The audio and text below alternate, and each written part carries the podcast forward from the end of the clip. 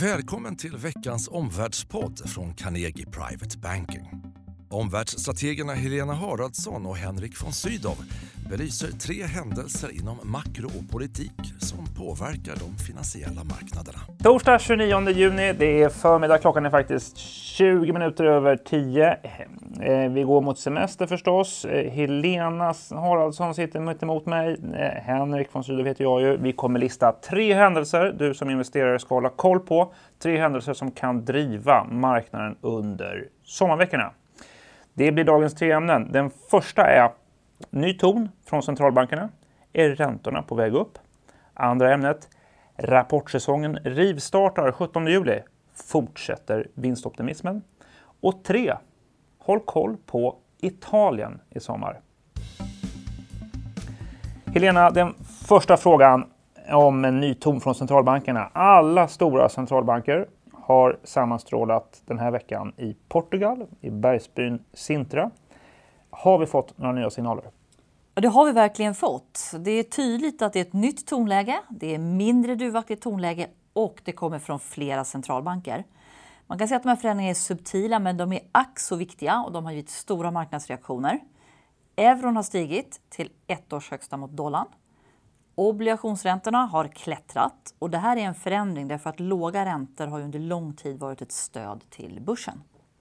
Relativt stor rörelse i euron som du sa. Vad var det Draghi egentligen sa?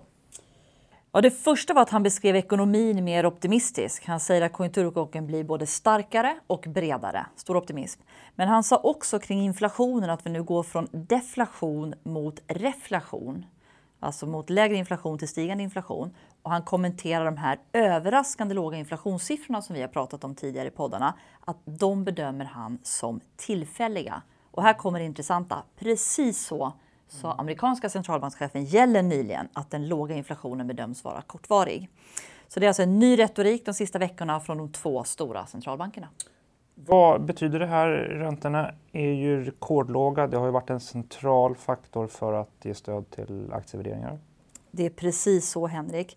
Och när det gäller börsen så har ju vi tidigare, både i poddar och strategirapporter, lyft fram att just högre räntor skulle kunna innebära en motvind för börsen. Och nu återstår att se om så blir fallet. Det beror lite på storlek och snabbhet i ränteuppgången. Men intressant är att centralbankerna verkar uppmärksamma tillgångsprisinflation mer. Det märks på deras kommentarer och vilka risker det här kan resultera i på sikt. Jag tror i USA, då tänker nog Fed så här att vi vill nog gärna normalisera räntorna om ekonomin tål det. De har utrymme för när dollarn är svag. Eh, I Europa så tror man funderar på är en sån här lätt penningpolitik lämplig när ekonomin blir allt starkare och mer självgående. Men en ny räntemiljö innebär också att olika sektorer kan gå olika starkt. Det där är intressant. Olika sektorer går olika starkt. Vad tycker du är slutsatsen då? Eh, ja, när flera centralbanker nu skiftar tonläge då kan det faktiskt vara klokt att se över sin portfölj. Vad har investeringarna för risk och vilken exponering har man om det blir en ny räntemiljö? Okej, andra frågan. Eh, att hålla koll på i sommar. Börsbolagens vinster spelar ju en väsentlig roll för marknaden framöver. Vad vet vi på den fronten? Ja, man kan säga att vi väntar med spänning på nästa rapportsäsong och halvårsresultaten. Då. I Sverige så rivstartar ju resultatsäsongen då den 17 juli. Under första kvartalet så var ju resultaten klart bättre än väntat och det var en global trend och det gällde både vinsten men också försäljningen i bolagen. Är det särskilt några sektorer vi ska hålla koll på? Ja, eh, sista veckan har det skakat lite grann bland de här stora medie och teknologibolagen i USA. Det är de som har drivit marknaden till nya rekordnivåer. Eh, och nu i veckan så bötfälldes ju Google då, som är ett av de här bolagen av Bryssel. Så att den här sektorn är klart värd att hålla ett öga på under sommaren. Vad händer? Två konjunkturkänsliga sektorer som trivs eller skulle trivas i en miljö med högre räntor det är ju faktiskt bank och verkstad. Och där kan man ju notera att i Europa så städar man nu upp bland de svaga bankerna. Det har vi talat om i tidigare poddar. I USA ja, där kommer bankerna ge överraskande stora utdelningar. Eh, och när det gäller verkstad så är bättre makrosignaler, inte minst i Europa, båda gott för den sektorn. Eh, från sektorer till regioner, är det några särskilda regioner att hålla koll på? Ja, vi har pratat om det i många poddar, men jag tycker Europa sticker ut med stadigt bättre konjunktursignaler och det är väldigt bra för vinsterna. Eh, något man också kan nämna tycker jag är tillväxtmarknaden. De har en intressant kombination. Det är den region som har högst vinstoptimism hittills i år, men lägst värdering. Eh, och slutsatsen blir väl då att på dagens börsvärderingar så är ju fortsatt vinstleverans jätteviktigt, särskilt om räntorna börjar klättra. Men när det gäller räntor och inflation så tänk på det. Håll utkik efter inflationssignalerna från bolagen. Kan de höja priserna eller inte? Tack för slutsatsen Helena. Henrik, utöver centralbanker och vinster, finns det något inom politiken som investerare ska hålla koll på under semesterveckorna? Då säger jag håll koll på Italien. Eh, landet är ju en av Europas största ekonomier som ju lever med en lågintensiv bankkris, en mycket ansträngd migrationssituation och en permanent politisk osäkerhet. Eh, Italien är Europas fjärde största ekonomin, medlem i euron. Utvecklingen här är förstås av stor betydelse. Vi har ju tidigare i poddarna talat om dåliga lån och svaga banker som man nu undsätter. I veckan undsattes ju faktiskt två italienska banker. Vad betyder det, Henrik? Den italienska statens eh, räddningsaktion eh, av venetianska banker i helgen och måndagen eh, har ju faktiskt kritiserats ganska hårt eftersom den tydligt, får man ändå säga, kringgår EUs regelverk. Samtidigt som det här förstås på hela taget också är positivt att den här städprocessen eh, tycks ta fart och tycks fungera. Eh, det sker ju naturligtvis till ett högt pris för italienska skattebetalare. Det pressar redan ansträngda italienska statsfinanser. Mm. Vi vet ju också Henrik, att under sommaren så är det ju ofta så att migrationsflöden och trafiken över Medelhavet riskerar att öka. Hur påverkar det här Italien, statsfinanser etc? Ja, alltså, man ska, Italien är i frontlinjen för den ansträngda migrationssituationen. Eh, I år har man tagit emot 73 000 migranter. Det är 14 procent fler migranter än vad det var vid samma tidpunkt för ett år sedan.